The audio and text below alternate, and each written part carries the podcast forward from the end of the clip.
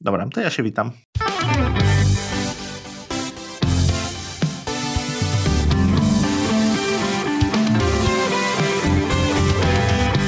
Witajcie w 169 odcinku podcastu Kompot. Podcastu, w którym niestrudzenie wyciskamy sok z jabłuszek. W tym odcinku, jak i w innych, wita Was Marek Telecki i Remek Rychlewski. Ładny numerek, bo tak właściwie jedynka i 69.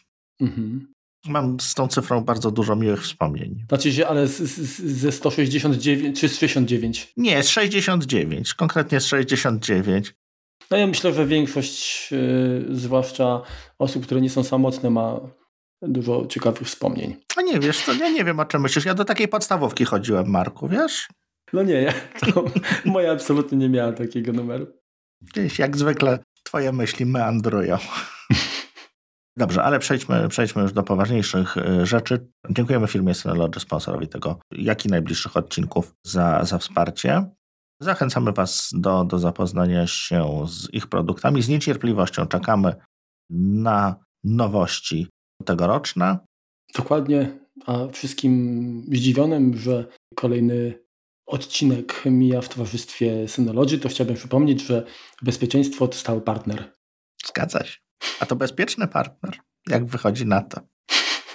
Ale w tym odcinku tak, troszeczkę też o bezpieczeństwie będzie trochę, trochę obok temat roboczy internety w iOSie. Czyli chcemy pochylić się nad tym, że od pewnego czasu, czyli od iOSa 15, możliwe są wtyczki w Safari. Mhm. Trochę tych wtyczek się już nazbierało. Chcemy trochę o nich opowiedzieć. Chcemy Wam generalnie przybliżyć, w jaki sposób można lepiej, wydajniej, przyjemniej korzystać e, z przeglądarki internetowej, czyli nomen omen jest to pewnie jedno z najpopularniejszych, jedna z najpopularniejszych aplikacji, którą przeciętny Kowalski używa, no, łącząc się z jakimiś tam serwisami oczywiście, no ale jest to przeglądarka www, jest to nasze, nasze małe okno na świat, jak gdyby. Także jeśli chodzi o przeglądarkę w iOSie, no to ona jest od zawsze, tak? Od iOSa mhm. 1.0, od e, iPhone'a pierwszej generacji. To, co ją wyróżniało od samego początku, to było to, że ona e, potrafiła wyświetlać prawdziwe strony www.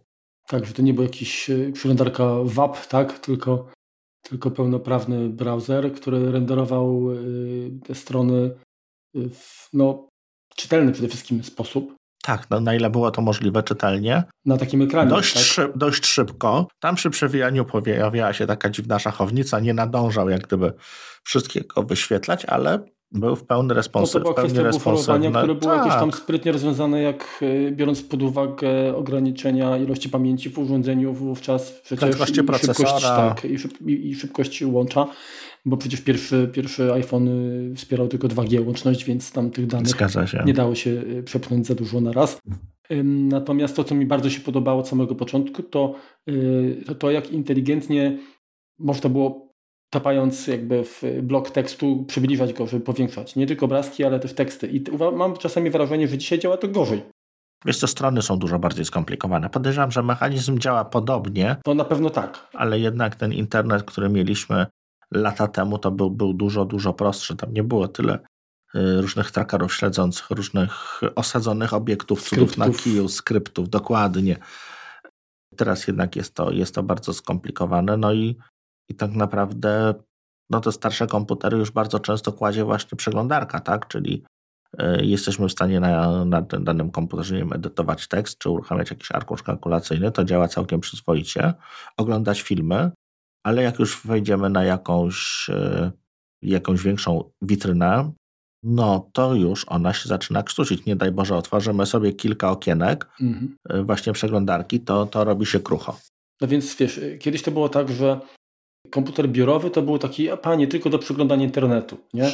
Nie będę grał, no nie musi być szybki, do przeglądania internetu, bo to tam wiele nie potrzeba, a się okazuje, że dzisiaj tak naprawdę korzystanie z internetu, które stanowi dla większości osób wręcz 90% czasu spędzonego z komputerem, mhm. narzuca y, no, pewne wymagania i się okazuje, że ten komputer, czy, czy to będzie nawet komputer przenośny, czy stacjonarny, czy, czy tablet, czy nawet smartfon, on musi być wystarczająco szybki, żeby z tymi przeładowanymi też niestety witrynami i serwisami, usługami online sobie poradzić. No oczywiście, że tak. Oczywiście, że tak. No ale jakby od początku postawiła na, na własny silnik, no, stworzony na podstawie Conquera z KDE, ale jakby to była ich przebudowany właściwie od początku e, narzędzie. To co, e, to, co jakby stawiali sobie za priorytet, to prędkość. E, od samego początku ta przeglądarka podczas jej developmentu dochodziły nowe funkcje, ale każda z tych funkcji nie mogła zwalniać tego, co, co już działało. Czyli jeżeli deweloper dodał jakąś obsługę jakiejś nowej, y, nowej funkcjonalności, która no, gdzieś tam no, była dodatkowa, więc spowalniała, to coś innego musiał przyspieszyć, żeby czas renderowania jakichś tam wybranych stron był co najmniej taki sam jak, jak poprzednio, więc tutaj ta, ta, ta przeglądarka od początku była bardzo szybka, bardzo dobrze sobie radziła z no, słabszymi nawet e, sprzętami. Co więcej, do pewnego y, czasu y, Safari było dostępne również na platformę Windows i tam również była to jedna z szybszych przeglądarek. Może nie, nie była to przeglądarka, która oferowała największe możliwości, tak, jeżeli chodzi o rozbudowy, bo tam nie było wsparcia dla rozszerzeń wówczas jeszcze żadnych. Dokładnie tak. Ona działała całkiem, całkiem fajnie. Tak, niestety, niestety, niestety, no, ten development mm, w wersji dla Windowsa został zarzucony, zaprzestany. Niestety tak. Aczkolwiek ona zawsze tak troszeczkę inaczej renderowała, nie, nie wiem czy zwróciłeś uwagę, inaczej renderowała fonty. Ona była... Ale to chyba jest tak, że, że wiesz, my mamy jakby to renderowanie czcionek y, w samym systemie jest zupełnie inaczej zrealizowane. Zgadza się. Sama przeglądarka y, bazuje na tym, co oferuje system, więc jeżeli Windows ma to skopane, no to tak wyglądały też i strony. Nie, ona po makowemu właśnie renderowała. A, w tym sensie. A widzisz, w tym ja, sensie. To, ja już nie pamiętam, bo rzeczywiście to było wieki temu, więc y, musiałbym postawić sobie, wiesz, taki stary komputer, gdzieś tam znaleźć jeszcze instalkę, żeby mhm. porównać. Aczkolwiek pewnie dzisiaj by mało która strona się wczytała nawet tam, bo, bo niestety się sporo zmieniło przecież. Zgadza się. E, no i też e, pewną takim, skąd ona się pojawiła, no to przecież iTunes ma wiele, wiele tego, co wyświetla, to są różne WebView, tak? Czyli to są mhm tak naprawdę iTunes y, ma również osadzone, osadzoną przeglądarkę internetową. Jakby ona tam była najpierw, później troszeczkę się usamodzielniła i, i działała. Czyli można powiedzieć, że iTunes to taki elektron, tak? Był trochę. Stany. Znaczy, no bardziej Safari była takim elektronem dla, dla iTunesa. No, no, no. No ale tak, no coś, coś, coś, w ten, coś w ten deseń. Powiedz Marku, czy jeśli chodzi o, o iOS-a, to ty używasz jakichś innych przeglądarek poza Safari, czy jesteś... Już ci, już ci mówię. Generalnie jestem raczej koszerny, tak, w sensie, albo inaczej jestem bardziej uparty i konserwatywny, tak, więc zarówno na, na iOSie, jak i na y, Macu y, unikam innych przeglądarek, bo tak, po prostu. Mhm. To znaczy się, to nie jest tak, że, że nie próbowałem. Próbowałem. I sponiewierało? Y, natomiast z różnym skutkiem to było, mm, znaczy tak, tak naprawdę ewolucja y, mm, czy spopularyzowanie się urządzeń z iOS-em spowodowało, że webmasterzy musieli zacząć się jakby liczyć bardziej z tą platformą, więc problemy, które na początku były widoczne, a było ich dużo, a było ich sporo, tak, były z czasem zostały wyeliminowane, w związku z czym przez ta, ta konieczność instalowania dodatkowych przeglądarek okazała się zbędna. Mhm. Więc na początku jakieś tam próby były, z tego co pamiętam, to jak był iCap, to, to też instalowałem, bo iCap y, na Macu klasycznym zwłaszcza y, mhm. był bardzo fajną taką lekką przeglądarką i, i z niej korzystałem jeszcze w czasach y, Power Maca G4 i wcześniej. A o iCapie jeszcze będę mówił, to na pewno. No. Natomiast ostatnio, jeżeli można tak powiedzieć, to jak się pojawił Microsoft Edge, mhm. na iOS-a, tego zainstalowałem z ciekawości i okej. Okay. E, natomiast e, no, wyrzuciłem dlatego, że nie mam jakby problemów z Safari. Co, co więcej, e, powiedziałbym, że jeżeli zdarza mi się mieć jakiś problem z tym, że coś mi się nie, nie wczytuje, to dotyczy to wersji desktopowej, a nie wersji na iOS-a. Mhm. Dziwne. Ta sama witryna potrafi mi się wczytać bez problemu na iPhone'ie, Natomiast y, na Macu się nie wyświetla poprawnie. Na przykład czegoś brakuje. Tak mam chociażby z witryną y, mm, mojego ubezpieczyciela, czyli firmy Aviva. Ale to nie jest kwestia jakiegoś tam adblockera czy tego, tego na Macu? Jest co, nie sądzę. Zresztą i na jednym, i na drugim, na jednej i drugiej, na drugiej platformie korzystam z, z AdGarda, mhm. więc no, raczej nie powinno mieć to znaczenia, ale odświeżałem też stronę, wczytywałem bez, bez blokera i, i to nie ma znaczenia, tak? Aha. No to najwyraźniej e, jakby użytkowników iPhone'ów jest więcej, więc e, de deweloper, czyli ja Aviva w tym momencie... bardziej pod kątem y, Safari mobilnego. Tak, dokładnie. tak, bardziej, bardziej się tutaj postarał. Y, tutaj masz rację. To, co jakby jest pewną taką plusem dodatnim i plusem ujemnym, tak, można tak powiedzieć, w nomenklaturze wojskowej, to kwestia tego, że tak jak na Macu alternatywna przeglądarka, czy to będzie, nie wiem, Firefox, czy to będzie Chrome, czy to będzie, nie wiem, Edge, o którym wspominałeś, one używają własnych, własnych silników, e, niezależnych od, e, od Safari. Jednym z ograniczeniem App Store jest to, że przeglądarka, którą e, firma trzecia jak gdyby udostępnia, ona musi korzystać z silnika Safari. Dzieje się tak z kilku powodów. Pierwszy jest to kwestia bezpieczeństwa, bo jednak jest to, jest to chyba najlepiej sprawdzony w tym momencie silnik na, dla tej platformy i Apple się bardzo stara, żeby był bezpieczny.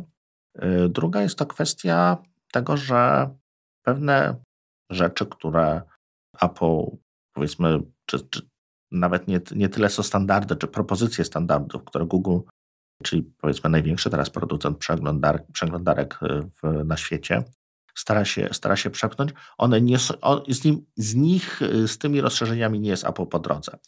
Y, tutaj można postawić y, na pazerność, tak, że na przykład pewne funkcjonalności chce Apple kontrolować, bo ma z tego po prostu pieniądze, tak? Bo uruchomienie przeglądarki pełnej dawałoby możliwość, nie wiem, jakiejś dodatkowych, e, dodatkow, uruchamiania, stworzenia jakby dodatkowego sklepu w tej przeglądarce, tak? Mhm. I uruchamiania jakichś tam aplikacji już, e, już webowych, czy webawych, czy, czy, czy, czy takich opartych troszeczkę na, na HTML-u. No, Apple nie chce tego robić i, no i ma w tym jakieś tam swoje powody. Między innymi, między innymi dlatego jest to ograniczenie. E, również historycznie Safari było dość, czy silnik Safari był dość uprzywilejowaną aplikacją, e, jeśli chodzi o platformę iOS, ponieważ e, działał szybciej. Jakby reszta systemu była na tak skrojona, czy, czy dostęp miał nieco, nieco niżej do tego systemu, że nie wiem, JavaScript na przykład wykonywał się szybciej. I tak jak nawet, nie wiem, czy pamiętasz, takie czasy był były dwa, e, dwa engine JavaScriptu, był jakiś taki super szybki i taki klasyczny mhm. i każda inna z przeglądarek mogła korzystać z tego, z tego klasycznego, a ten super szybki, no domyślnie trochę mniej bezpieczny, yy, jeśli chodzi o, o, o dostęp z, z, z, poziomu aplikacji. Tak? Nie, nie, nie kod, który wykonuje, ale, ale ta aplikacja mogła troszeczkę głębiej grzebnąć w systemie przy pomocy właśnie tego silnika, był po prostu zablokowany. No, na szczęście jest to, jest to e, kwestia, którą mamy już za sobą. Zarówno wszystkie WebView, jak i przeglądarki alternatywne działają z tym samym silnikiem renderującym. Więc można się zapytać, po co w ogóle e, dodatkowa przeglądarka, skoro to i tak i tak pod spodem jest to Safari? Jest to bardzo dobre pytanie. Wbrew pozorom, to co producenci przeglądarek mogą zaoferować, to jest inny interfejs użytkownika, który czasami jest e, dla kogoś może być wygodniejsze. O, tak, to, tak to ujmijmy. E, co więcej, synchronizacja. Wszystkie takie kwestie mhm. zakładek, haseł, to co mamy dobudowane, tego chromu, tak, tej obudowy, która jest w przeglądarce, no to jest Ciasteczko. własna, tak? Dokładnie. Rozpoznawanie użytkownika. Zgadza się. Więc mhm. jeśli mamy, nie wiem, jakąś witrynę korporacyjną opartą w całości na Microsoftie i z, tego, z tych rozwiązań korzystamy, no to również powiedzmy wygodne dla nas będzie używanie tego Edge'a dla, na tych stronach, ponieważ on już będzie zalogowany, on będzie miał y, jakiś tam kontakt czy, czy możliwość weryfikacji w domenie i tak dalej, i tak dalej. Więc, więc tutaj tutaj to, to nie jest jak gdyby bezpodstawne. Sporo, sporo przeglądarek oferuje dodatkowe jakieś funkcje typu yy, bezpieczeństwo jakieś większe. Takie na przykład Brave. Niby, wi- tak, niby, niby VPN w Foberze, tak? Czyli tam tak, coś, coś smart, te... smart VPN, tak? Czy, tak.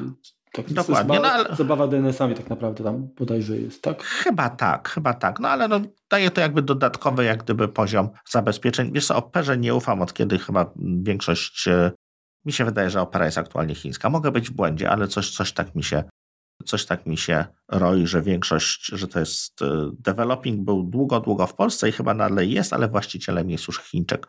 E, I jak coś, to poprawcie mnie w komentarzach. Mm -hmm. Więc tutaj bym temu temu bezpieczeństwu jakoś szczególnie nie ufał. Wiesz co, ja miałem bardzo długo zainstalowanego Chroma na zasadzie posiadania jakiejś tam alternatywnej przeglądarki, ale prawie, prawie wcale z niego nie korzystałem i, i tak naprawdę zarzuciłem to. Na iPhone'ie korzystam tylko i wyłącznie z Safari. No niestety MDM korporacyjny jeden próbował mi zainstalować e, Edge'a, ale no to był powód, żeby się rozstać, rozstać. z nim w całości.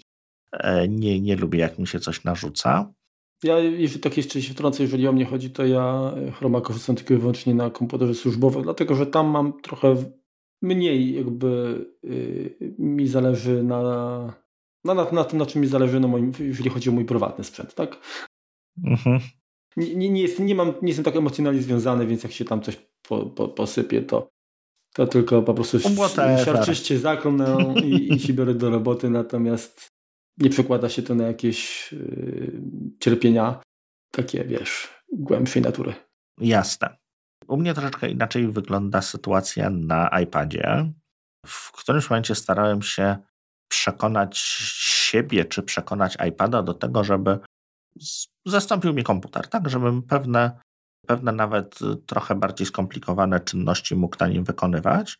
I wiele, wiele jakichś takich serwisów wewnętrznych czy, czy specjalizowanych, z których korzystam, po prostu niekoniecznie kochało się z przeglądarką e, iPadową.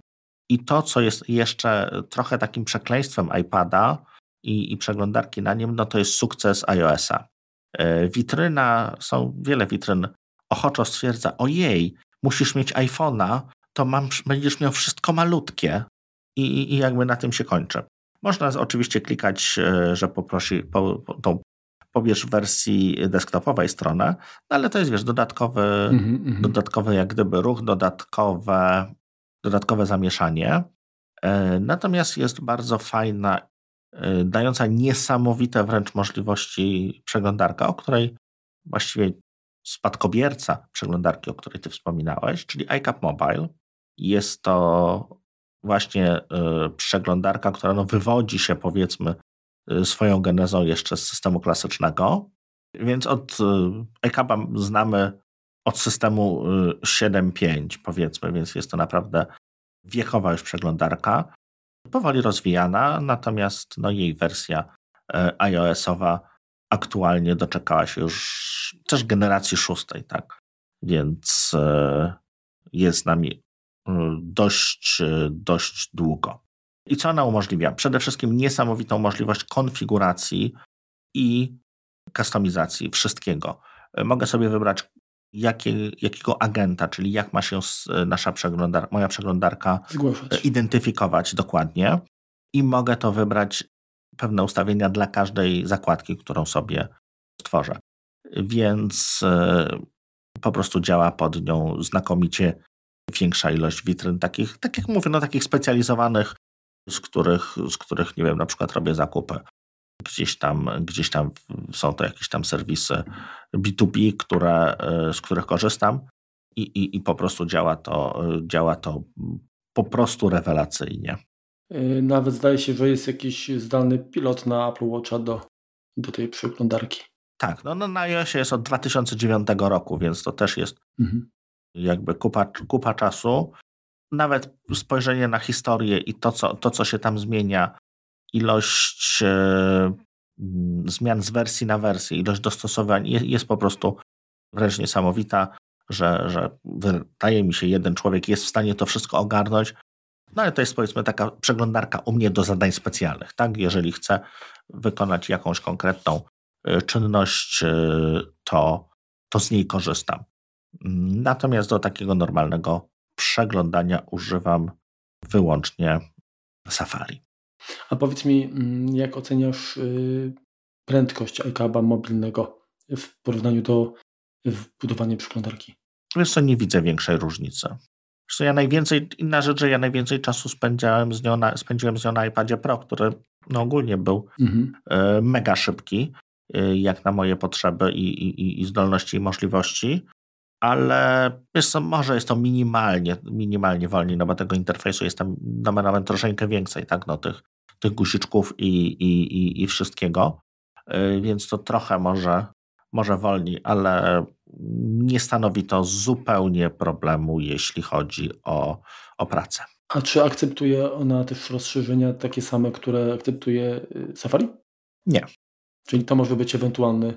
To może być tak, no, no bo jak mhm. gdyby swoje Kiedyś się też zainstalowałem, ale fakt jest taki, że to było bardzo krótko i, i tej najnowszej wersji nie znam, więc stąd to pytanie. Jest ona e, rozpowszechniona, to jeszcze ważne, e, jako shareware, czyli tam wystarczy e, chyba 5 zł zapłacić, żeby odblokować pełną funkcjonalność i nie jest to żaden... Poczekaj, chyba nie do końca. Tam jeszcze upgrade można jakby tym in-app purchase'em wywołać, ale sama Przeglądarka wymaga opłaty 14 zł. Jednorazowej. Okej, okay, dobrze. No to jest jeszcze ten piątal, mhm. E, piątal dodatkowo za jakąś tam funkcjonalność. W którymś momencie kupiłem, bo kilka lat jej używam i, i, i, i jakby mhm. tutaj czasem, czasem warto deweloperowi dopłacić. Zresztą jest też możliwość e, kupienia droższych wersji, tak? Czyli e, wersja Upgrade Plus, iPad na piwku, na piwku tak. Mhm nawet do, do tam 28 zł. Ale wiesz co, patrzę, yy, patrzę tutaj, ale nie widzę, nie widzę pluginu, więc to jest, yy, to jest zarezerwowane dla Safari. W ogóle Apple ostatnio bardzo dużą pracę zrobiło, jeśli chodzi o pluginy, ponieważ z tego, co zrozumiałem, jeszcze raz nie jestem deweloperem, więc będzie to może mało wprawne, jeśli coś tam nie poprawcie. Kiedyś pluginy do Safari miały własną jak gdyby budowę, własną strukturę. Teraz y, jest to w miarę zgodne z tym, co, y, co wymaga Chrome. Czyli deweloper nie musi jak gdyby tworzyć specjalnie od początku nowej wtyczki, tylko może przystosować tą, którą, którą stworzył dla Chroma. No i stąd między innymi dość duża popularność tych wtyczek ostatnimi czasy, czy, czy na Maca, czy na iOS-a. No właśnie, teraz kolejny punkt, do którego przejdziemy, no to w zasadzie są te wtyczki. I teraz nie wiem, czy, czy oczekujesz, bo ja Cię to wypytam jeszcze mm, o mhm. parę rzeczy na pewno po drodze, ale czy chciałbyś poznać jakby moje zdanie na, ten, na temat y, wtyczek, czy jak, jak wygląda stan wtyczek na dziś, jak ja, jak ja to widzę, jakie są problemy główne? Jasne, jasne, oczywiście. Dobrze. Od tego zacznijmy. E, a później przejdziemy do tego, czy, z czego, z których korzystamy, wtyczek, które polubiliśmy i tak dalej, i których nam brakuje, tak? Bo de facto mhm. nadal jest tak, że, że pomimo tego, że zwłaszcza mówimy tutaj o makach opartych na platformie Apple Silicon, bo tutaj jakby jest ta zgodność, e, jeżeli chodzi o, o rozszerzenia, prawda? E, że one bez jakichś większych zabiegów teoretycznie mogą zadziałać. Na Intelu też. Na Intelu też? Mhm. Okej. Okay no ja już nie, już nie mam Intela, więc nie jestem w stanie tego stwierdzić. Zaufam Ci, uwierzę na słowo. Ale y, wracając jakby do tego, co ja widzę, jaki jest problem, to to, że jeden problem jest taki, który chciałbym Cię Ciebie właściwie wypytać, czyli problem bezpieczeństwa, bo często jest tak, że jak instalujesz rozszerzenie, Aha. to się okazuje, że ono, żeby też poprawnie funkcjonować, ono Aha. musi mieć dostęp do witryny odwiedzonej przez Ciebie, do całej historii i tak dalej, i tak dalej. No i gdzieś tam się zapala lampka, hmm, czy nie będzie to rozszerzenie gdzieś się tymi informacjami dzieliło dalej. A zgadza się. Bo z jednej strony y, robimy wszystko, żeby zablokować, żeby te informacje, które to wszystko, co się dzieje na naszym urządzeniu, zostało mhm. na urządzeniu, to nagle taka wtyczka okazuje się takim troszeczkę. Backdoorem, no dokładnie. Koniem trojańskim, takim backdoorem, dokładnie. I, I jakie jest Twoje zdanie na ten temat? Jak ty, jakie, jakie to rozwiązanie widzisz? no bo oczywiście instalowanie wszystkiego, co się da, jest bez sensu. Tak. Więc wiadomo, że pewnie no, trzeba troszeczkę zaufać tym deweloperom, których się zna i którzy są popularni, bo jednak jeżeli robią zwłaszcza płatne, płatne rozszerzenia i sobie troszkę strzelą w kolano, tak, y, gdy wyjdzie na jaw, że, że ich działalność nie jest taka czysta, mhm. To więcej stracą niż zyskają w perspektywie. Zgadza się. Myślę. Y, natomiast czy jest jakiś sposób, żeby mm, czy, czy nie wiem, czy filtracja, która występuje w App Store, tak, to, to, to, to, to sprawdzanie y, jest wystarczająco dobre, myślisz? Czy jesteśmy w stanie się jakby ustrzec przed rozszerzeniami, które mogą, no, może nie tyle co nam zaszkodzić, ale jednak nas okraść z prywatności. Wiesz co, niestety nie jesteśmy w 100%. E, owszem, weryfikacja jakaś jest, ale ja bym się trochę bał. Jeśli no istnieje dużo trików, nawet jeżeli aplikacja bezpośrednio powiedzmy nie dzwoni do, home, do domu, tak? Czyli jest to gdzieś tam weryfikowane, ale co, no, każda wtyczka coś coś musi gdzieś z jakimś serwisem się, właściwie każda się z jakimś serwisem, jak nie musi, to może połączyć, tak? Niech to będzie na przykład już z gatunku takich troszeczkę, nie wiem, czy, czy pewnie jest na iOS, bo jest na wszystko, znany serwis Grammarly, tak? Mhm. Nie wiem, czy kojarzysz. Kojarzę. Serwis na menu ukraiński, podobno rewelacyjny i działa, działa wyśmienicie. Wielu Brytyjczyków go używa nie tylko Amerykanów, którzy powiedzmy niekoniecznie y, są znani z, z poprawnej pisowni czy, czy dbałości o to. Y, po prostu dobre rozszerzenie. No ale ono też w którymś momencie, ten tekst, który sprawdza, to ono nie robi tego na naszym komputerze, tylko wysyła do statku matki. Więc wyobraźmy sobie, nie wiem, firmę, która podpisuje jakieś kontrakty, y, firmę, która ma jakieś kontakty z e, administracją rządową, nazwijmy. No i co, też będziemy mieli to, wysyłali gdzieś tam na Ukrainę? Nic nie mam do Ukrainy, żeby nie było, tylko do, firm, do innego państwa, o tak to ujmijmy. Hmm, słabo to wygląda, tak? E, no tutaj jest podobnie. Niestety, niestety musimy, musimy zaufać. No ja w jednej z firm, której, z którą współpracuję, mocno się sprzeciwiałem z używaniem właśnie Grammarly, ponieważ dla mnie no to jest to naruszenie bezpieczeństwa, tak? Wszystkie dokumenty, bo ta wtyczka nie, nie istnieje tylko i wyłącznie w przeglądarce, ale pięknie działa w Wordzie. Wszystkie umowy, wszystkie dokumenty firmowe czasem z nagłówkiem tajne wysyłamy komuś do sprawdzenia. Wielka czerwona lampka i jeszcze syrena mi wyje, no ale funkcjonalność wygrała, chcieli, mają. Tak? Mhm. Więc tu jest podobnie.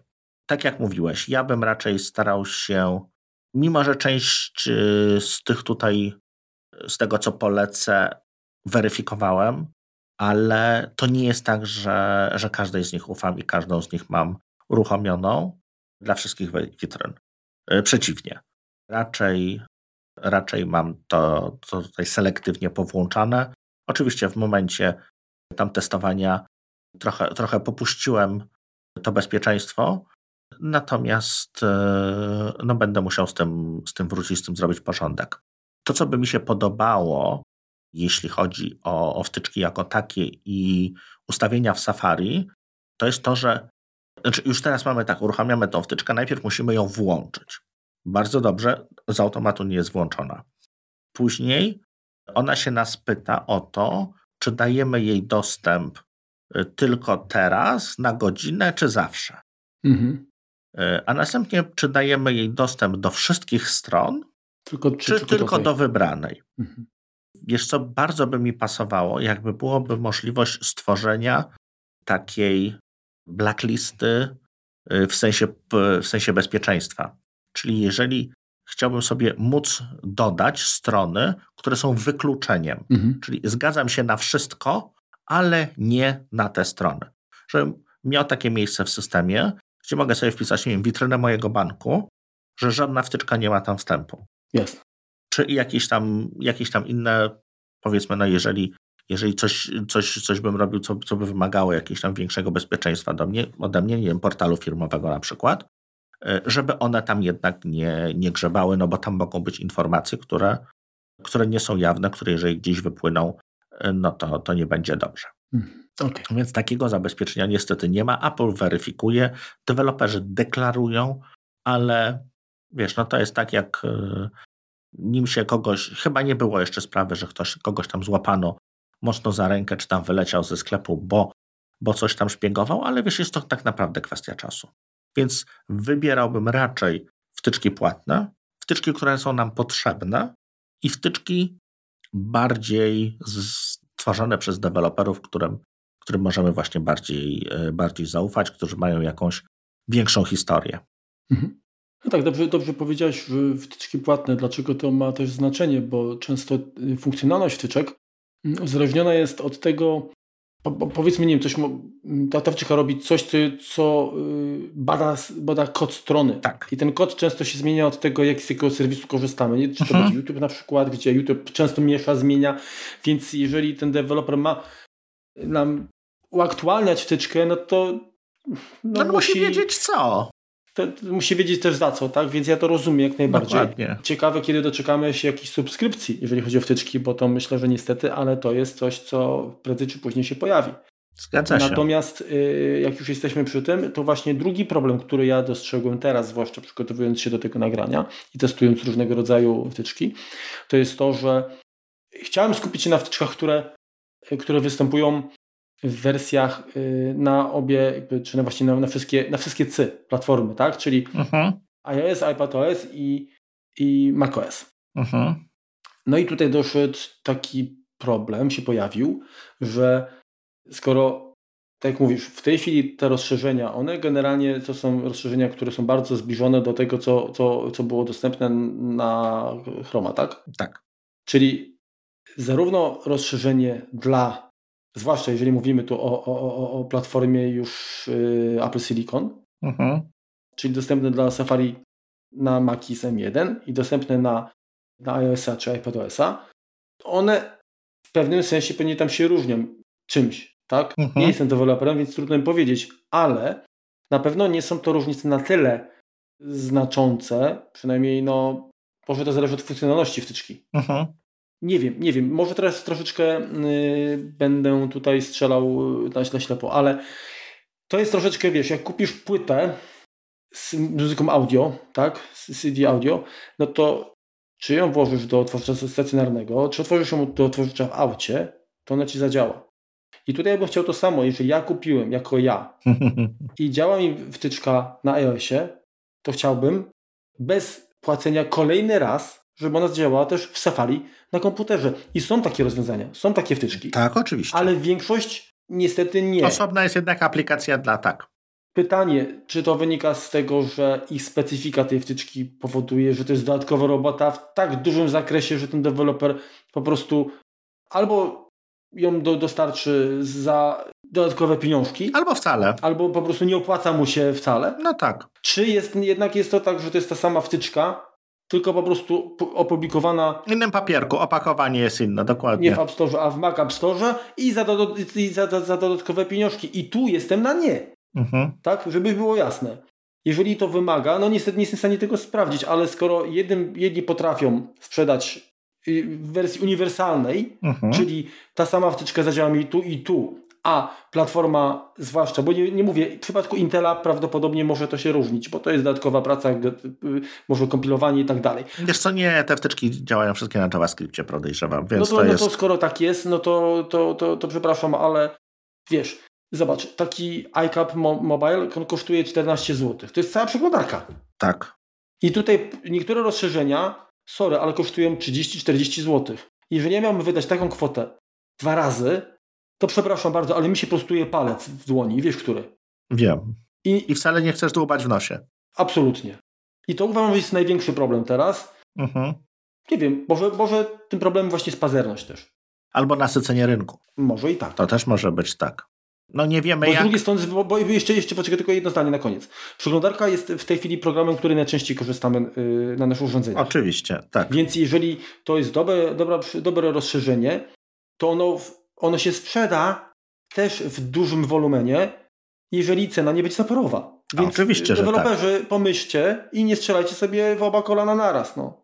To, co jeszcze, e, to, co jest jeszcze pewną bolączką tych yy, właściwie no, dla jednej, dla jednego typu wtyczek, to jest to, że jak na razie wtyczka nie ma dostępu do Secure Enclave, do Touch ID, do Face ID, czyli jeżeli zainstalujemy sobie na przykład wtyczkę do One Passworda, taką natywną dla Safari, Safari for One Password, jest i, i iOS-owa i znaczy jest na pewno Macowa, iOS-owa chyba się pojawia po instalacji aplikacji, ale na Maca jest osobna aplikacja, po prostu wtyczka. E, no to do niej za każdym razem trzeba wpisywać, po, po oczywiście po uruchomieniu, mhm. E, trzeba wpisywać hasło. Tak, nie ma możliwości autentykacji się przy pomocy biometrii. No bo wtyczka nie pozwala, nie ma dostępu do tych mechanizmów, więc to jest też pewien taki minus. E, przez chwilę próbowałem tą wtyczkę do Safari używać na komputerze one passwordową, no ale po prostu się nie da. No ja nie będę tego hasła co chwilę wpisywał, ono jest za długie. Nie po to je takie długie robiłem, żeby je co chwilę wpisywać. No, no, no, no trudno. Ale wiesz, jak sobie utrwalasz to hasło w pamięci? Wiesz co, ja już je mam bardzo utrwalone. Dzie dziękuję. Już teraz pamięć mięśniowa jest tak działa, że, że to jest tylko, kwestia czasu. Za dużo po prostu musisz klikać tam. Zgadza się. No dobrze, ponarzekaliśmy, powiedzieliśmy na co uważać. No i może opowiedzmy teraz, czego używamy. Może na początek e, wywołane już do tablicy One Password przeze mnie. Mhm.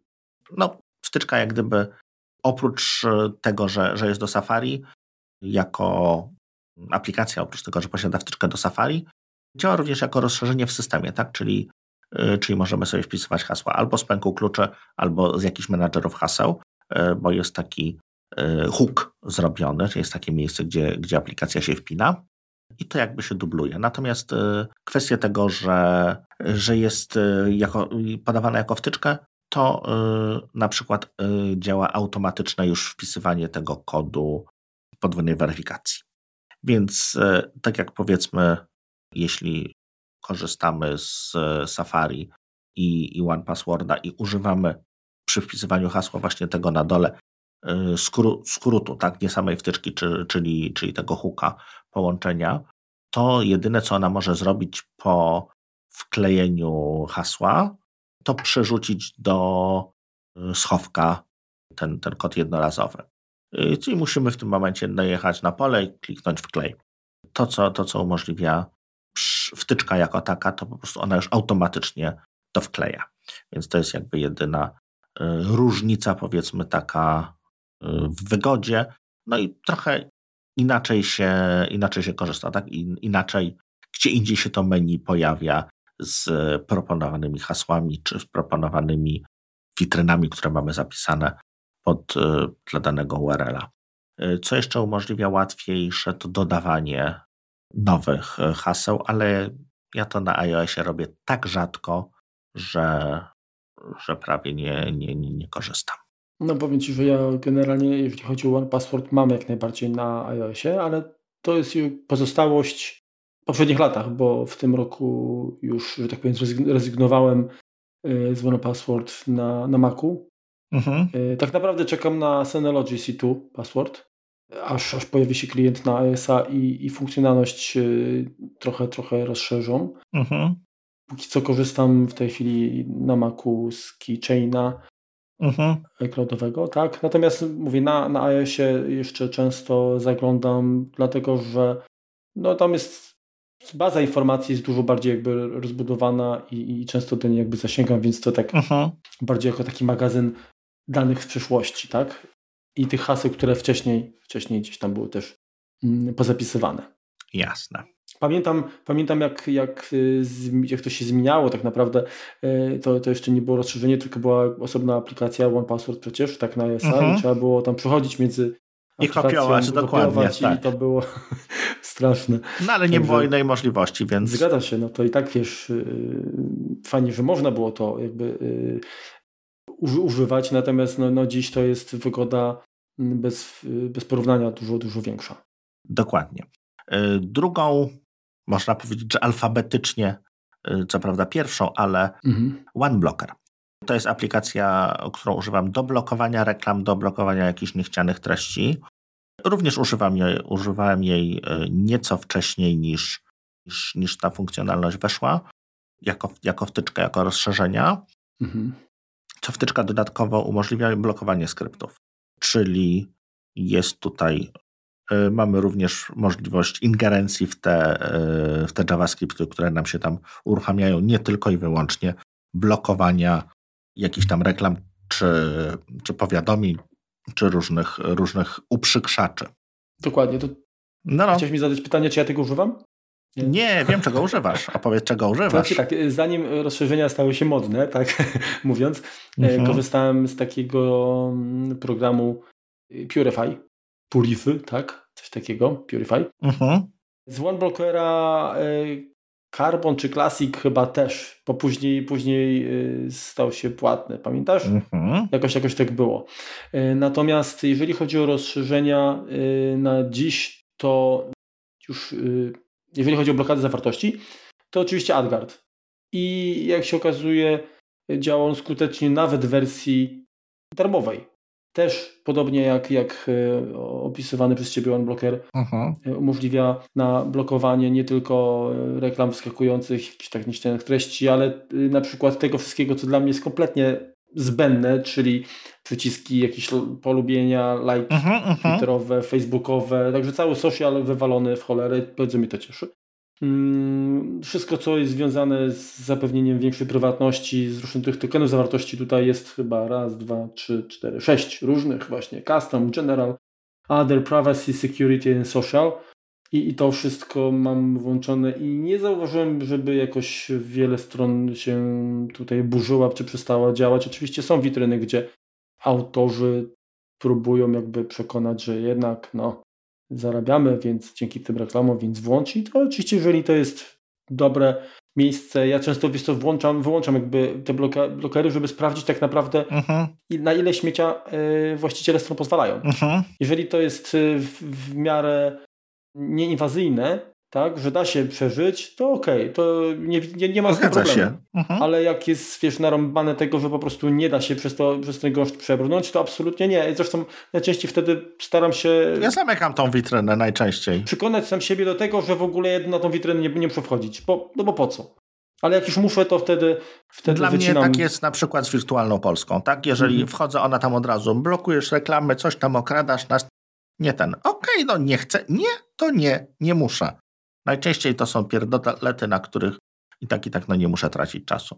Dokładnie. Także, także to, to jest tak moje drugie rozszerzenie też po password, czyli blokady zawartości, których zwyczajnie nie chcemy e, oglądać. To co, to, co warto też pamiętać, to jest to, że my te blokujemy pewne, pewne zawart pewną zawartość, pewne, nie wiem, skrypty, pewne reklamy, to raz, że odciążamy nieco nasze łącze, bo te informacje do nas no po prostu nie przychodzą. Dwa, przyspieszamy nieco działanie samej przeglądarki, bo ona ma mniej do przemielenia, więc. Dokładnie. Więc tutaj, tutaj siłą rzeczy jest to, jest to lepiej. Drugie, troszeczkę po, pośrednie to jest implosion, czyli one wyrzuca y, redirecty AMP. Czyli na przykład takie linki, które komuś przesła, przesłasz linka z Google'a, ale to nie jest link do danej strony, tylko link do Google'a, który dopiero przekierowuje cię na tą stronę. Nie wiem, czy wiesz dokładnie e, o czym mówię. Wiesz to, znaczy tak, ja, ja, generalnie tak, bo ja podobne rozszerzenie yy, chciałem sprawdzić, tylko że tak stwierdziłem, że póki jest płatne, to tak nie wiem, czy, czy się zdecyduje tak od razu. Ale mhm. o co chodzi? Swego czasu yy, korzystałem yy, na Safari na macOSie.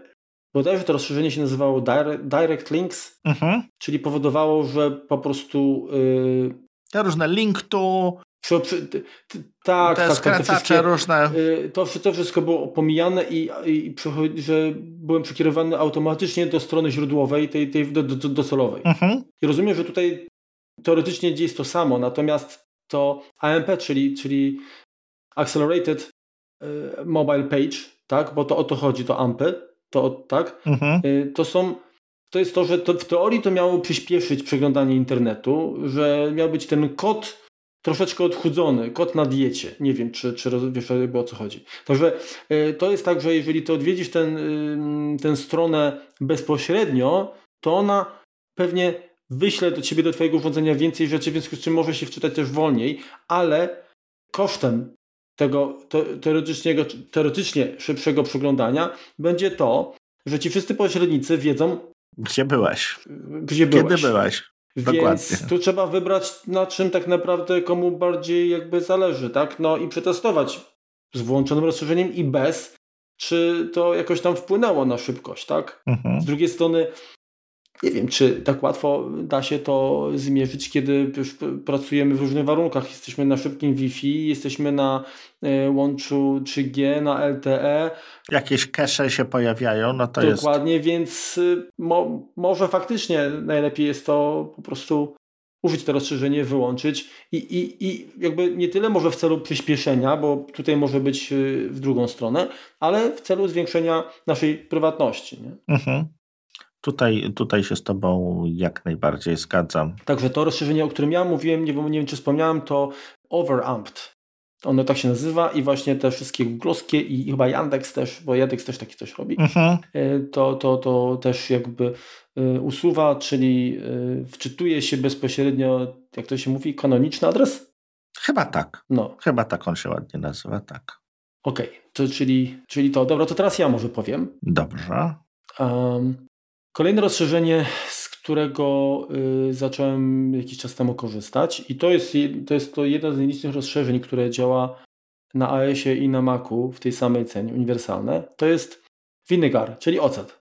I to jest rozszerzenie, które podmienia jakby kod odpowiadający za wyświetlenie y, filmu na YouTubie, mhm. bądź mm, kodu takiego z YouTube'a, e, takiego tego embedded na innych witrynach, na taki odtwarzacz powiedzmy uproszczony, tak? Znaczy, co, co, co my jako użytkownicy, w jaki sposób my skorzystamy z tego?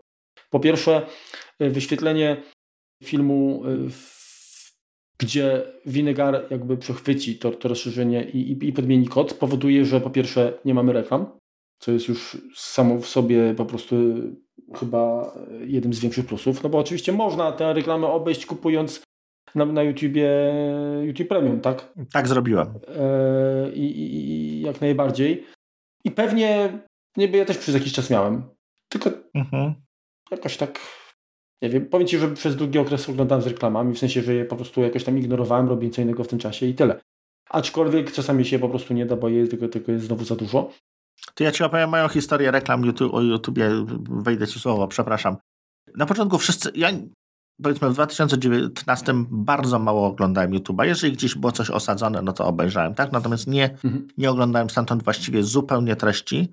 W 2020 powoli zacząłem, tak? To znalazłem kilka kanałów, które mnie interesują, które mają jakąś tematykę, która jest zbliżona do moich zainteresowań, no i zacząłem je oglądać. I wszyscy dookoła twierdzili, nie da się oglądać tego YouTube'a, bo wyświetla reklamę. A ja miałem jedną reklamę na tydzień, mniej więcej. Mhm. I, i, i tyle, tak? No, gorzej, że to była cały czas ta sama reklama, ale, ale co tydzień mi się pojawiała. Później mi się zaczęła pojawiać dwa, trzy razy w tygodniu, potem na każdym filmie. Potem zaczęła mi przerywać filmy. Y, no i tutaj już niestety pękłem i kupiłem, kupiłem subskrypcję. A to, co mnie tak naprawdę przekonało, to oglądanie to na aplikacji czy na Apple TV, czy, czy, czy w ogóle na telewizorze w zbudowanej aplikacji no bo tam nie masz możliwości blokowania reklam. Mhm, mhm. I co więcej, jeżeli na tą reklamę nie klikniesz, bo akurat, nie wiem, prasujesz albo jesz i, i, i nie chce ci się klikać czy coś, czy masz zajęte ręce, no to on będzie do śmierci te reklamy puszczał. Ojej. No, no niestety, wiesz, jak to było um, Don't be evil. To zostało don't. Można, tak, tak, tak. Dobra, ale wracając y, do korzyści, które daje Vinegar. Mhm. Y, no to poza tym, że nie mamy reklam, YouTube też nie wie, gdzie, gdzie my zrobiliśmy pauzę, gdzie przewinęliśmy, bo jak się okazuje, takie informacje też, też są y, zbierane. Mhm. Kolejna rzecz to, jak też y, pewnie wiesz albo i nie wiesz, bo masz wersję premium, mm, jeżeli korzystasz z aplikacji, mm, czy może nie tyle z aplikacji, ale w przeglądarce, jak odtwarzasz film z YouTube'a, no to jakby funkcjonalność Picture Picture nie działa. Nie działa, niestety tak. Tak. Natomiast dzięki temu rozszerzeniu jak najbardziej. Mhm. Jeżeli odtwarzasz y, sobie y, film też y, w przeglądarce i masz tych, tych zakładek, tych okien przeglądarki kilka, to normalnie jak przejdziesz do kolejnej, to, to film się blokuje. Natomiast mhm. w tym, dzięki temu rozszerzeniu też możesz jakby kontynuować, czyli jeżeli powiedzmy będzie to jakiś, nie wiem, teledysk i chcesz przejść i posłuchać coś tam sobie w tle dalej, czytając, y, no to, to będziesz mógł to zrobić, tak? Dodatkowo można oczywiście wybrać też, y, że to jest tylko i wyłącznie stream audio, tak? Czyli wybierasz jakąś tam playlistę, gdzie masz dwie godziny muzyki, mhm. odpalasz w przeglądarce, wybierasz nawet, żeby nie musiało ładować całego, całej zawartości, tylko, tylko samą ścieżkę dźwiękową i wrzucasz to w tło, przeglądarkę, a muzyka leci. Także rewelka. Mhm. Czy ma jakieś wady? Oczywiście tak. E, znaczy zauważyłem, że na przykład ten sam film, nie wiem czy to wynika z ograniczeń mm, z samego rozszerzenia, czy ograniczeń, które narzuca platforma. Jak odwalę film w, w przeglądarce na komputerze i widzę, że jest on dostępny też w 4K, no to mam oczywiście możliwość, czyli tam 2160p yy, taka opcja na przykład się pojawia, tak? Mhm. Yy, natomiast ten sam, to, sam, to, to samo wideo w przeglądarce na moim iPhone'ie maksymalnie to jest Full HD. Więc, więc nie wiem. Jasne. Wiesz co, bo chyba tak są tylko kompresowane te filmy dla HTML 5. To jest chyba jest górna granica właśnie YouTube'a. To jest Full HD. Te wszystkie 4K czy, czy, czy, czy wyższa niż Full HD to jest, to, to są chyba tylko i wyłącznie dla no, dla, dla ich. Być, być może. W każdym razie y, to jest jakby jedno ograniczenie, które nie, niekoniecznie musi być y, ograniczeniem samego rozszerzenia, natomiast y, obawiam się, że ono chyba nie, nie wspiera filmów High Dynamic Range. Czyli HDR chyba tutaj niestety. Bo one też wymagają kodeka tego VP9. No, czyli, czyli tutaj niestety się nie da. To trzeba jakby przyjąć na klatę, że, że to nie zadziała. Mhm. Ale mówię, tych zalet, y, które rozszerzenie daje, jest dużo więcej niż wad moim zdaniem. No, fajnie, żeby też była taka opcja wykorzystania tego na, na właśnie, tak jak mówisz, na tvOSie. Mhm. Póki co rozszerzenie tam nie dopuści, Apple nie dopuściło, więc tak? No jak i samej przeglądarki. No, no, no tak. To jeżeli jesteśmy przy tym samym deweloperze, to jest Zenaitan and a Dinosaur, tak się nazywa. Mhm. To ja również wypatrzyłem jedną z. To jest właśnie takie, takie rozszerzenie, które, które włączam wybiórczo, bo rzadko go potrzebuję. To jest Launch, Web Inspector for iOS, czyli to jest tak naprawdę WebView. To, co możemy sobie w przeglądarce desktopowej uruchomić, czyli podejrzeć kod strony, czasem no, interesuje Cię, jak coś jest zrobione, przynajmniej mnie, e, albo chcę sobie wyciągnąć jakiś obrazek, a strona mi nie pozwala go e, do niego się dostać, no to ja sobie po prostu go gdzieś tam, gdzieś tam znajdę w tym, w tym źródle, które, które i tak no, no mogę wyświetlić, no bo, no bo się, się ono renderuje. Jego, e, jego mi popsuć za bardzo deweloper nie może. No widzisz, to ja od razu to biorę, bo ono się okazuje, że nawet jest za darmo. Tak, i jeszcze jak jesteśmy przy nim, to jest jeszcze Baking Soda, mhm. druga e, aplikacja obok Vinegera, której nie sprawdzałem, ale to jest jak gdyby to samo, tylko dla innych e, playerów niż YouTube. Czyli dla alternatywnych e, jakichś web playerów i kosztuje 8,99 zł. Więc albo jest jako w pakiecie, tak. W paczce, w pakiecie można, możesz również, jeżeli masz, kupiłeś ocet, to możesz dodać do niego sody kuchennej. I no chyba nie, nie, nie zalecamy tego łączenia, ile dobrze, ile dobrze pamiętam lekcję chemii. Wiesz co, to było dobre na kaca. Taką, taką się siutkę robiło. Nie wiem, czy, czy słuchacze będą wiedzieć o co chodzi, ale to było tak, że trzeba było mm, wodę. Czekaj, jak to było? Bo nie pamiętam, który, który składnik się dodawało jakby na koniec, ale to, to było tak, że de facto była woda, y, ocet, y, cukier i sodę chyba na koniec nic trzeba wsypać i ona powodowała, że ten dwutlenek węgla tam, te bąbelki się, y, że tak powiem, generowały. I to naprawdę, ci mówię, rewelacja na kasa lepszego kiedyś, że tak powiem, to był taki Alka-Seltzer czy, czy, czy mhm. jak, nie, w domowie roboty. Kompot uczy, kompot szkoli. Dobrze. Lecimy dalej. Y, z tematów jeszcze takich troszeczkę bezpieczeństwa, czy też wyrzuca, wyrzucenia takich uprzykrzaczy, Super Agent, Super Agent, taki, taki plugin. Co on umożliwia? Pewnie dubluje się z funkcjonalnościami tych, yy, tych blokerów, czy, czy one blokerów, czy, czy AdGuarda, ale dodatkowo umożliwia pozbycie się jeszcze wszelkiego rodzaju pytań o akceptację cookie, o, o, o jakieś takie rzeczy, które, które nas strony czasami bombardują jakimiś tam uprzykrzaczami, o zapisanie się gdzieś tam do jakiegoś newslettera, o, o, o coś tam, to używam go jak na razie krótko, a nie zauważyłem jak gdyby, żeby, żeby coś działało, ale chyba, chyba ma nawet licznik. Zaraz spojrzę do niego, żeby spojrzeć, ale wiesz, no to jakby daje, daje, mu, daje mu jak gdyby szansę. Chyba ktoś, ktoś mi go polecił, że, że warto go zainstalować, dlatego, dlatego się na niego zdecydowałem. Okay.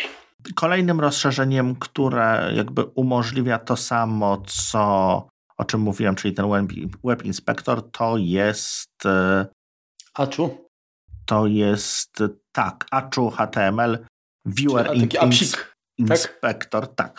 Inny deweloper, tym razem 5 zł kosztuje aplikacja. To jest deweloper, który stworzył Apollo dla Reddita, jak również ten Implosion.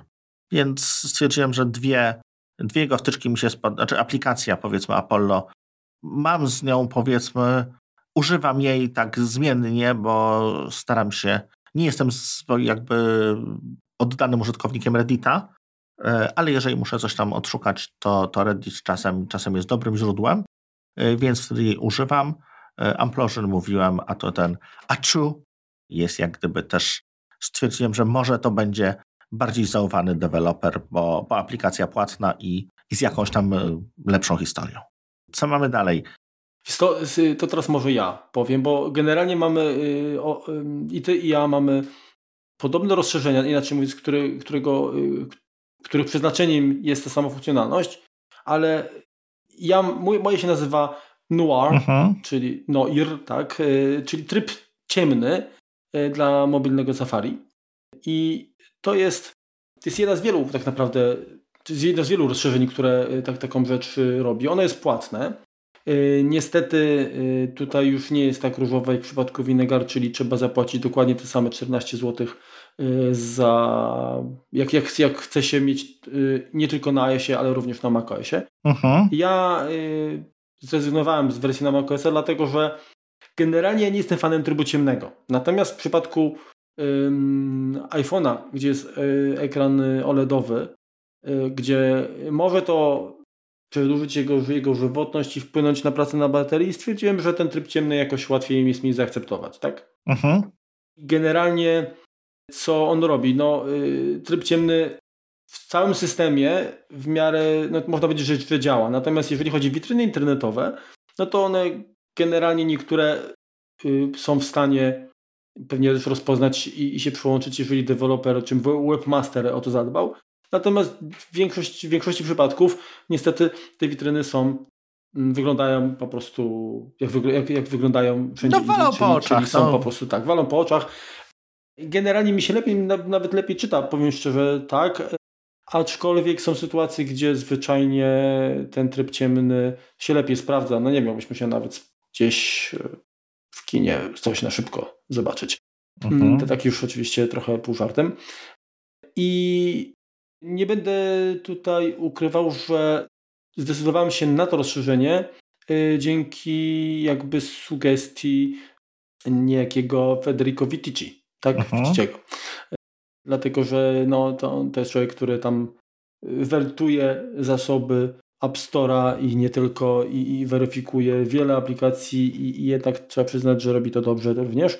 Więc polegam jakby na jego zdaniu, że ten, ten schemat kolorów, które, e, w których witryna jest wyświetlona, jest naprawdę tak zoptymalizowany, powiedzmy, jak, jak zrobiłoby to Apple, tak? No bo generalnie uh-huh. właśnie to jest to, że ten tryb ciemny to nie jest zwyczajna inwersja, tylko trzeba też te kolory odpowiednio dobrać. Często jeżeli to jest czerwony, to ten czerwony na, na białym tle wygląda inaczej, na ciemnym tle będzie wyglądał inaczej, więc trzeba troszeczkę ten ton poprawić, żeby... żeby Ależ oczywiście. To jakoś no, się sprawdzało. Ja pamiętam zresztą ten problem, jak miałem, mm, gdy wydawałem y, poradnik do Hazela i on w trybie ciemnym się okazało, że część tych kolorów zwyczajnie po prostu czy, przestaje być czytelna i, mhm. i musiałem trochę poeksperymentować, żeby, żeby osiągnąć taki powiedzmy efekt przyzwoity, żeby osoby, które mają jakieś preferencje czytania w trybie ciemnym czy w SEPI i tak dalej, żeby jednak e, nie, nie czuli się jakoś tutaj pokrzywdzeni. I e, jeżeli chodzi o właśnie Noir, on robi to rzeczywiście bardzo fajnie. E, te witryny, które do tej pory przynajmniej testowałem, to faktycznie wyglądały tak, jakby były zaprojektowane, mhm. tak, w trybie ciemnym. Oczywiście jak każde z tych rozszerzeń można y, wyłączyć dla danej witryny, jeżeli taka zajdzie potrzeba, więc myślę, że, że, że to jest całkiem, całkiem dobrze y, wydane te kilkanaście złotych. Po wejściu, tutaj po kliknięciu ikonkę y, w pasku adresu rozszerzeń, tak możemy po prostu kliknąć na, na Noir i, i mamy opcję, czy ma być to wyłączone, czy nie. Oczywiście Y, obrazki y, też mogą być nieco przyciemniane, mhm. jeżeli nam zależy na tym. No i ten, ten, ten temat może być też oczywiście albo y, ciemny, albo czarny, albo, albo szary, tak? No ja generalnie lubię czarny, dlatego że, że wtedy mam jakby największą pewność, że, że ten OLED maksymalnie mi, mi oszczędza baterię, tak?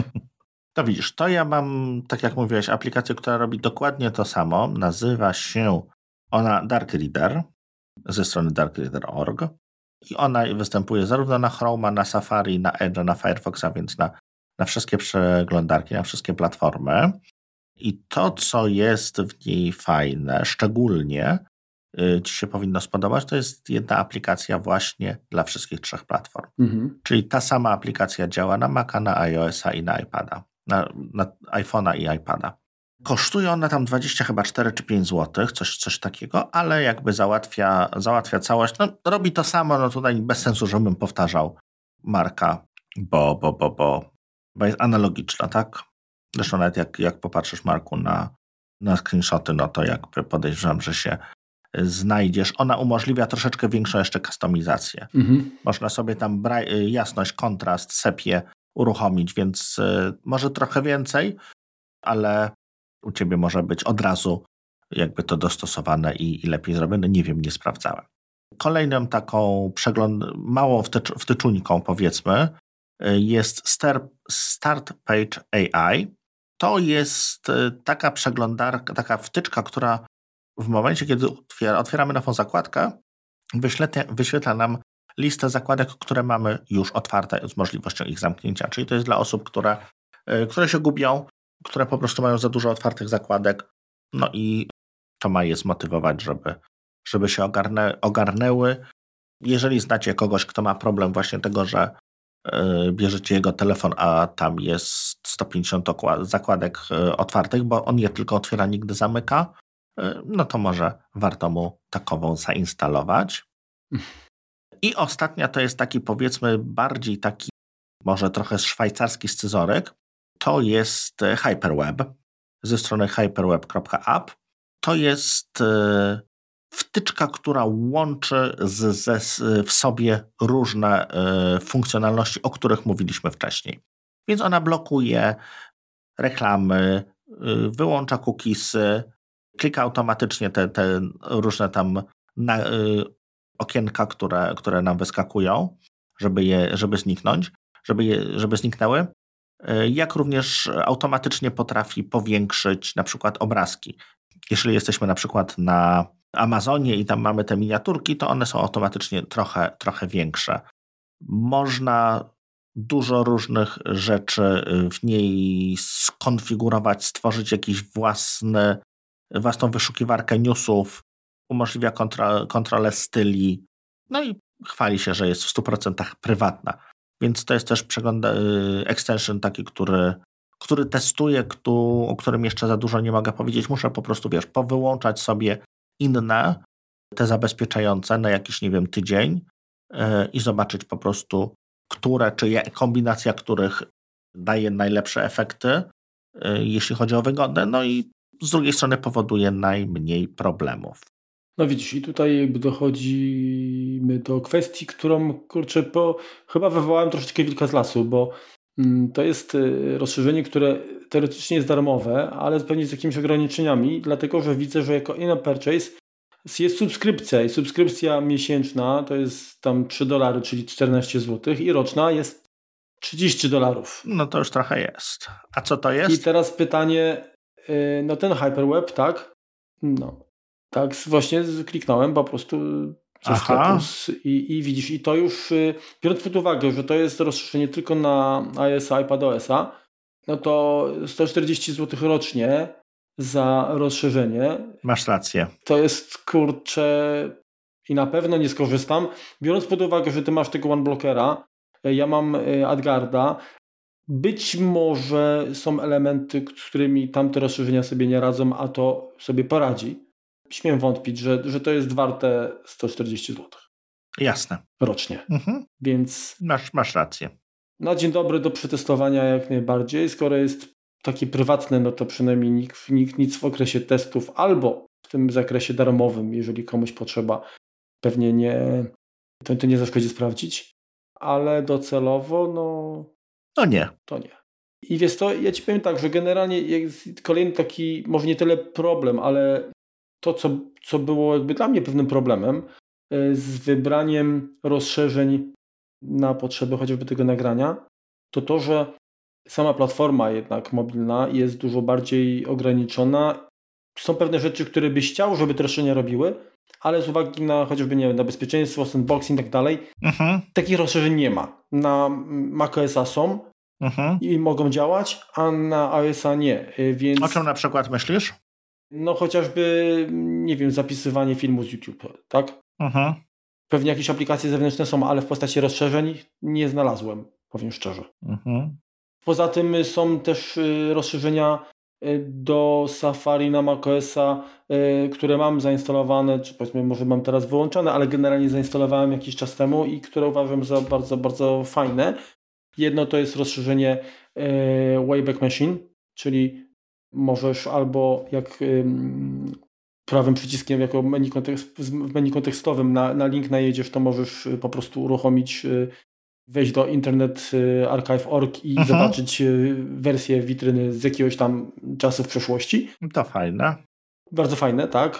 Niestety widzę, że ten Wayback Machine, czy, czy ta zawartość, ona, kurczę, trochę jakby nie wszystkie witryny da się jednak odczytać, zwłaszcza jest problem z obrazkami, tak? bo o ile tam tekst się wpisuje, natomiast z obrazkami jest, jest kiepsko. Zgadza tam oczywiście w przypadku witryn takich jak e, Apple.com problemu mm, raczej nie ma, ale te mniej popularne niestety tak. Mhm. I jest aplikacja jako Wayback Machine na iOS-a, ale nie działa jako rozszerzenie, tak? Czyli można użyć share sheet y, i, i, i udostępnić tam jakby wysłać, czyli jakby przekierować adres, ale nie ma, jako, nie ma rozszerzenia. Być może z uwagi na jednak jakieś ograniczenia platformy. Nie ma rozszerzenia też, przynajmniej szukałem, mm, które mam zainstalowane też na macOSie i to jest Image Search dla Safari, który powoduje, że możesz na przykład sobie przeglądając jakąś witrynę internetową y, też w menu kontekstowym wybrać, żeby to rozszerzenie poszukało czy przeszukało, y, korzystając jakby z reverse mhm. engineering search, tak, czyli, dobrze mówię, źródła chociażby na tej grafiki. Czyli możesz stwierdzić, że dobra, jest artykuł na Onecie, clickbaitowy, jest zdjęcie i prawym przyciskiem wybierzesz y, tam, żeby poszukało grafikę i się okazuje, że to jest zdjęcie z Getty Images, nie? Zgadza się. A ty myślałeś, że to nie wiem, jakiś paparazzi sonetu zrobił, kurde, i świeżynkę puścił tutaj, a to się okazuje, że to jest wi wiadomo, no, biznes. Mhm. Także e, i tego rozszerzenia też na jako, jako y, w wersji dostępnej dla mm, mobilnego Safari y, niestety nie ma. Także, y, także to jest to, że także reasumując, mówię, nie do końca jestem pewien, co jest tak naprawdę przyczyną, że nie wszystkie rozszerzenia, które są dostępne na macOSa mogą i się pojawią też na iOSa. Bo gdyby tak było, no to myślę, że, że, że, że z większej ilości ja bym też również korzystał, tak? Mhm. Na chwilę obecną no to jest, to jest raptem tam 5 czy 6 rozszerzeń, jak się okazuje. No to wiesz, u mnie, u mnie podobne. Co nie zmienia faktu, że są to rozszerzenia, które w pewnym sensie te nasze przeglądarki wzbogacają, tak? Ale rzeczywiście. Jest parę rozszerzeń takich, które mi się bardzo podobają, typu highlights czy highlighter y, do Safari, to, że możesz sobie takim markerem jakby tam zaznaczyć mm, informacje na stronie. Jak ją odwiedzisz po jakimś czasie, to te miejsca będą nadal mhm. Y, zaznaczone tym, tym, tym markerem. Może to się też okazać przydatne, tak? bo nawet jak powiedzmy E, nie pamiętasz, e, pamiętasz adres strony, ale nie pamiętasz tak naprawdę, o który akapit chodziło, to jak, jak go zaznaczyłeś, to się to łatwiej do niego wrócić. Mhm. Więc fajnie. Ciekaw jestem, jak, to, bo jak, jak to działa, jeżeli strona jest troszeczkę odświeżona, czyli się ktoś tam zmodyfikuje treść, mhm. nie? przesunie, jak, jak, jak, to, jak to jest z tym, z tym pamiętaniem tego. E, no ale też mówię, płatna, ja akurat nie mam aż takich potrzeb, żeby za to wydać pieniążki, więc sobie odpuściłem. Jest fajne rozszerzenie. Twix for Twitter i to też y, powoduje, że no nie masz tych sponsorowanych tweetów, mhm. Więc no ale... Nie używam Twittera w przeglądarce, to jest jedna sprawa. Y, no, no więc dokładnie, także, także ale są, znam osoby, które preferują takie rozwiązania, tak? Czyli zamiast dedykowanych aplikacji jednak przeglądarkę. Mhm. Co też jakby jestem w stanie zrozumieć i tutaj by się to pewnie mm, sprawdziło. Okazało tak dobrym rozwiązaniem. Y, ale tutaj... To jak jesteśmy przy Twitterze, przepraszam Marku, tak. to Tweetbot oferuje przeglądar, y, plugin właśnie do przeglądarki, że y, otwiera linki nie w aplikacji Twittera, tylko w Tweetbocie. Mm, Okej. Okay twitterowe, no to jest ten, jakaś ten tam... najnowszy, tak i to jest... A ja wolę. Tak i to jest, to jest bardzo fajna rzecz, bo mi to też strasznie irytuje, że jak coś kliknę, mm, czy, czy wiadomości, czy gdzieś w przeglądarce, to niestety, ale muszę mieć zainstalowaną też y, aplikację oryginalną. Klienta Twittera, tak. E, a nie mogę tego uruchomić w Tweetbocie. Z tego co kojarzę, to chyba kiedyś, zanim y, Twitter nie ograniczył mocno API dla deweloperów, to tego problemu nie było. Pamiętasz, jak to było? Nie pamiętam. Wydaje mi się, że to u mnie kiedyś uruchamiało przeglądarka z Twitterem, a nie Tweetbota, ale mogę się mylić. Mhm. W każdym razie to rozszerzenie Twix y, for Tweetbot, y, ono niestety jest tam dość drogie, bo chyba kosztuje około 35 czy 40 zł też nie działa, nie jest uniwersalne, więc gdyby ktoś chciał mieć i, i na Maca i, i, na, i na iOS-a, no to no to jest dużo pieniędzy jednak zostawionych. Nie wiem ile teraz Tweetbot kosztuje, ale mimo wszystko to chyba już y, lepiej y, dofinansować y, chłopaków od Tweetbota. Pewnie tak. Także, no dobra Marku. No, także jeżeli chodzi o, o to rozszerzenia, to na pewno jesteśmy na początku drogi, tak? Moim zdaniem to, to jeszcze dużo się może tutaj zmienić i dużo fajnych rzeczy pojawić. Ważne, żeby te rozszerzenia też nie przyczyniły się do spowolnienia naszych przeglądarek, bo, bo tego się boję zawsze. Zgadza się, zmniejszenia prywatności. To jest druga sprawa. No i dobrze, żeby Apple się z tego nie wycofało, no bo, mhm. no bo też mamy jakby yy, nowe API, a mogą, nie wiem, za rok, dwa, trzy stwierdzić, że oni jednak mają pomysł na swoje bezpieczniejsze, lepsze i teraz się wszyscy muszą przenosić. No, tutaj, yy, tutaj niestety, niestety popularność Chroma i to, że jest pod niego wszystko, daje, daje sporą przewagę i ułatwienie dla deweloperów. Okej. Okay. To co? Tak się, tak. tak się, wiesz co Marku, zastanawialiśmy, tak już dla was, dla słuchaczy może taka informacja, na początku, jak z, powstał pomysł nagrania odcinka, a o czym my tu będziemy gadać przez godzinę? No i ponad godzina dobrze minęła. I tematu na pewno nie wyczerpaliśmy. Zgadza się. Ale nie będziemy już Was dalej męczyć. E, to jest. To jest... Znaczy, na pewno, e, powiedzmy tak, e, rozszerzenia dotknęliśmy, tak liznęliśmy. Tak, mam, mhm. nadzieję, że zachęciliśmy Was również do przetestowania, sprawdzenia we własnym zakresie. Natomiast jakby internety w iOS to jest na tyle szeroki temat, że tutaj pewnie jeszcze gdzieś do tego za jakiś czas wrócimy. Mhm. Więc bądźcie Jeśli czuli. macie jakieś przemyślenia, jak najbardziej podzielcie się z nami. Bardzo, bardzo to lubimy interakcję z Wami. Tak. No i co? No, na zakończenie Tip, quick tip. tip to, tak. quick, quick Tym tip. razem będzie quick tip taki bardziej naukowy. Chyba wszyscy po mm, y, okresie świątecznym i noworocznym y, najpierw się mocno sponiewierali, a potem wy, y, zarówno kulinarnie, jak i w inny sposób, a potem też mam nadzieję również nieco odpoczęli, więc czas na, na naukę. I tutaj y, gorąco zachęcamy Was do. O, oczywiście, jeżeli czujecie taką potrzebę, tak, bo nie chodzi o to, żeby y, robić coś dla idei, ale y, żeby to przyniosło również dla Was wymierne korzyści. Chcielibyśmy zwrócić uwagę na to, że że mm, Synology Polska łącznie z firmą FEN mhm. organizuje szkolenia szkolenia dwudniowe, nawet online można mocno pocisnąć po trenerze, żeby, żeby się, że tak powiem, wykazał wiedzą. Marek wie, co mówi. Oj tak, oj tak. I tak krótko, bo oczywiście link będzie w, w opisie. Są, może tak, najpierw zacznę od, od naj, najmniej przyjemnej y, rzeczy, czyli od kosztu. Tak? To jest koszt takiego szkolenia. To jest niestety 1499 zł netto. Ale to jest szkolenie certyfikowane, więc. To... Oczywiście, tak. I certyfikat jest ważny przynajmniej minimum dwa lata. Tak więc, y, jeżeli jest to w Waszej linii takiej Mm, zawodowej, albo wręcz może pomóc y, w jakimś awansie czy przekwalifikowaniu się, to myślę, że, że, że, warto, że warto tutaj. To są nieźle wydane pieniądze, dokładnie. Tak. A jak wiemy, są szkolenia, które kosztują kilka razy więcej, a nie gwarantują wcale y, jakiegoś. Czegokolwiek, tak naprawdę. Tak. Y, no więc tak, mm, jeżeli chodzi o, o, o to, czego będą dotyczyły szkolenia, to pierwsze naj, najbliżej szkolenie, które, do, do którego mamy najbliżej, e, nie w sensie ideologicznym, ale czasowym, e, bo odbędzie się ono 25 i 26 stycznia tego roku. E, to jest Surveillance Architect. I, i tutaj chodzi o oczywiście przybliżeniu się platformie Surveillance Station, ale będą również mocno przećwiczone w ogóle jakby podstawy, tak, bo jeżeli mówimy o, o, o monitoringu, no to, to trzeba mm, tutaj wiedzieć, jakie są podstawy CCTV, e, jak to wygląda, jeżeli chodzi o kotowanie obrazu, e, jak się optymalizuje ustawienia, e, także mnóstwo, mnóstwo takich rzeczy. Mm, funkcja to widzisz, to chyba mnie, bardzo możliwe, że mnie to zainteresuje nawet, bo dzisiaj dostałem właśnie pytanie od klienta, że on by chciał sobie jakieś dodatkowe kamery zainstalować, więc ja stwierdziłem, spoko, tam mamy, mhm, mhm. mamy DSA NVR-a, stoi, z licencją na tam 12 kamer, spoko, lecimy, można instalować, mów tylko gdzie i, i ten.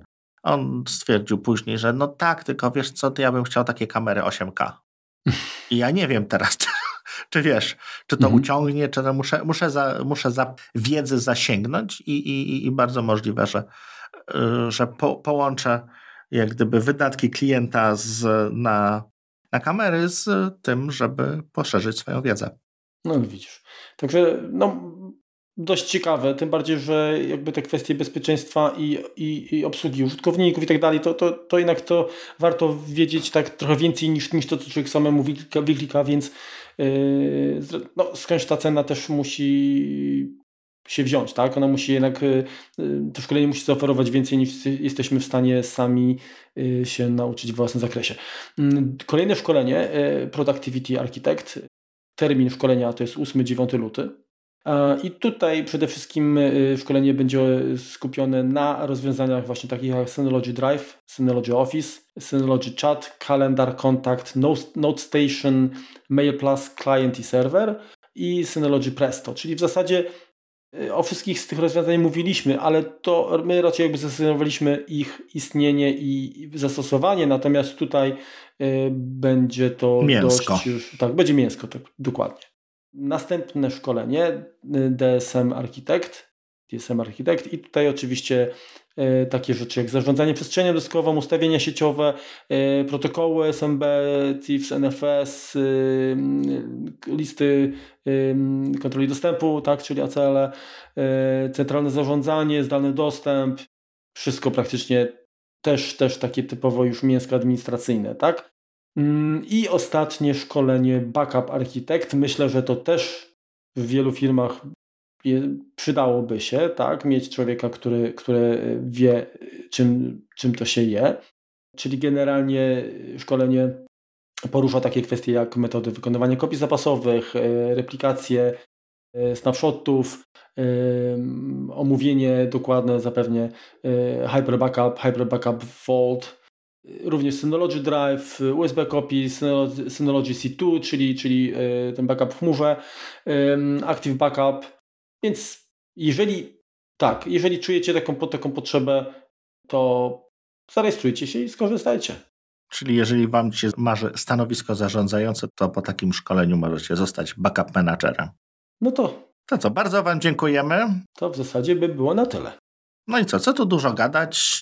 Bardzo możliwe, że coś ciekawego usłyszeliście na początku, e, ale my jeszcze tego nie wiemy, czy się to uda uruchomić. Tak czy inaczej, dziękujemy. Zapraszamy za tydzień. Trzymajcie się. Trzymajcie się. Na razie, Marta. cześć. A jedna rzecz jeszcze ważna. Po tam w Spotify'u można jakieś cyferki wstawiać, że w sensie wam się kompot podoba. To jakbyście mogli, to tam dostawcie. Niech, niech tam tych trzech użytkowników Spotify'a, którzy nas tam słuchają, wie, że jest to warte. No, Larka. Trzymajcie się, na razie, hej.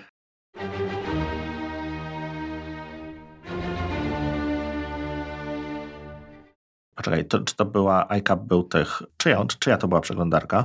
Pamiętasz? To nie był pa, nie, nie panik, tylko ci od Omni, Omni to nie było? Kto, y, zdaje się, zdaje się, że, że, że, że, że tak, ale czekaj, zaraz sprawdzę. Nie, to był też ten pan. A, czekaj, OmniWeb to było, o- od Omni, wiesz? To było, to było OmniWeb, tak. No, no, no masz rację.